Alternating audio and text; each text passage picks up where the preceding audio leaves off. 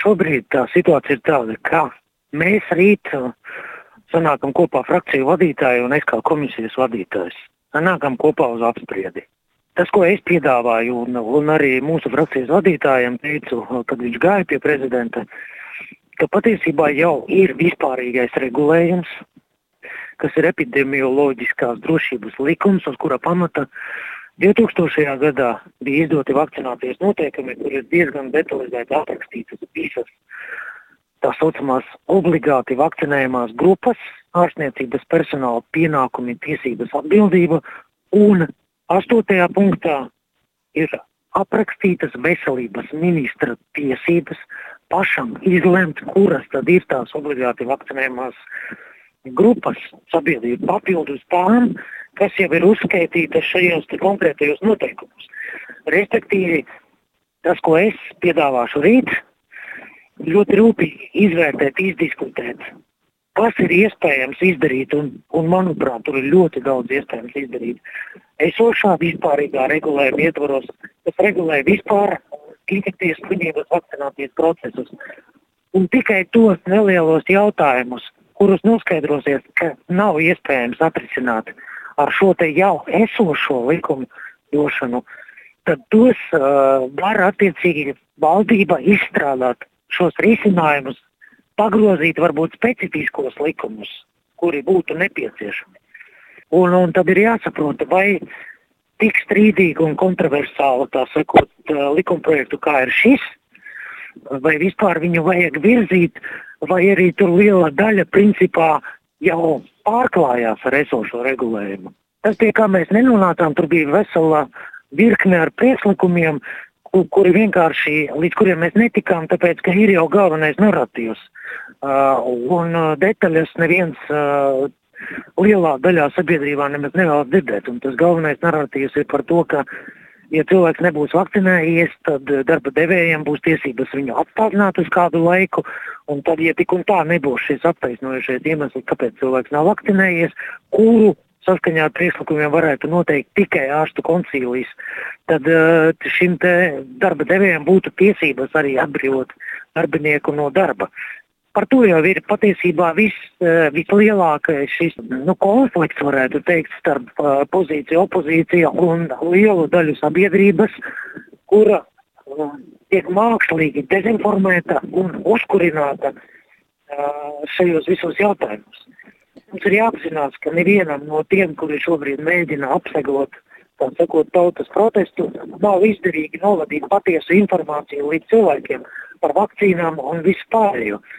Un, diemžēl šī dezinformācija ir tik milzīga, ka mēs nonākam pie uh, stipri samazinātiem uh, vakcinācijas tempiem. Un, uh, mēs kavējam praktiski tādā veidā izēju no šīs pandēmijas. Jo mēs redzam citu valstu piemērus, kur uh, vakcinācijas aptvere ir virs 70%, tad tur visi ierobežojumi ir atcelti. Bet, bet nu, šī ir Latvijas īpatnība. Tā arī dzīvojam. Un, uh, par šo likumprojektu rītā būs lielāka skaidrība pēc mūsu uh, tikšanās. No jūsu sacītā, tad uh, tā būtu veselības ministra atbildība nu, pat ņemot vērā, cik plaša šobrīd ir sabiedrības diskusijas un, un sakāpināt tā interesi, piemēram, par profesijām, kurās būtu prasība vakcinēties, tas būtu jāizlēma vienpersoniski veselības ministram? Tieši tā saskaņā ar vakcinācijas noteikumiem numur 333 2000. gada, kuri savukārt tika izdoti uz uh, epidemioloģiskās drošības likuma pamata 1998. gadā.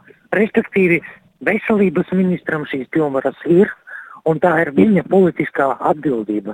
Tas, ko var likumdevējs, likumdevējs var ieregulēt tādas detaļas, kuras nav noregulētas šajos savos normatīvajos aktos, tātad šīs epidemioloģiskā drošības likums un vakcinācijas noteikumi. Savukārt parlamentārieši tad būtu tie, kas gādātu par to, lai darba likumdošanā viss atbilstu jau tālāk veselības ministra izlēmtajam. Tad, attiecīgi, tur, tur ir jānāk kopā un jāiziet cauri pa visiem punktiem, kas pārklājās, kas nepārklājās.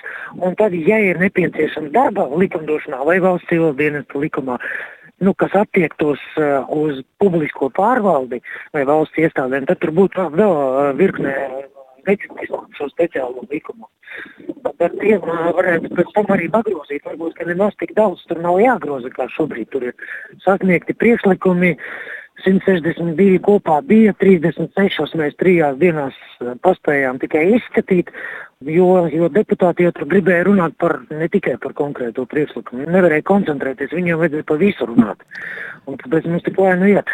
Bet nu, šobrīd ir organizācijas, kas izsaka gandarījumu, ka šis likuma projekts nekur tālāk nevirzīsies, cerot, ka tas tā arī būs. Ir tādas, kuras uh, aicina tomēr arī ātrāk ieviest skaidrību, jo līdz šim 1. oktobris bija tas datums, līdz kuram būtu jāstājas spēkā vairākās institūcijās tai kārtībai, kā strādāt, tā skaitā studēt var tie, kuriem ir vakcinācijas certifikāts. Tad cik ātri saimas deputāti varētu šo savu darba daļu izdarīt, lai par 1. oktobri, par rudeni, pieaugot saslimstības skaitļiem, tomēr jau būtu skaidrība? Skaidrību var viest, tā kā mēs tikko runājām, veselības ministrs nosakot obligāti vakcinējumās personu grupas. Saima kā likumdevējs, caur kuru virzās konkrētie likumi projekti un kur deputātiem ir tiesības iesniegt priekšlikumus, nekad nevar būt ātrs instruments skaidrības ieviešanai tas tā īpaši nekad nav arī strādājis. Jo ir jāsaprot, ka sēma, nu, pieņemsim, ja mēs turpinām virzīt tādā pašā tempā šo likuma projektu, kāds viņš ir ar visiem tiem priekšlikumiem. No 36 priekšlikumi trijās dienās mēs, protams, varam mēģināt pātrināt vēl vairāk, slēgt ārā opozīcijas deputātiem un pārējiem tos mikrofonus, kuri runā ne pa tēmu. Bet uh, es varu iedomāties, uh, kā plenārsēdē, kurā Katram deputātam par katru priekšlikumu pirmajā reizē ir 5 minūtes, otrajā reizē 2. Nu, tad parēķinam, cik, cik ātri mēs varam pieņemt šo likumu.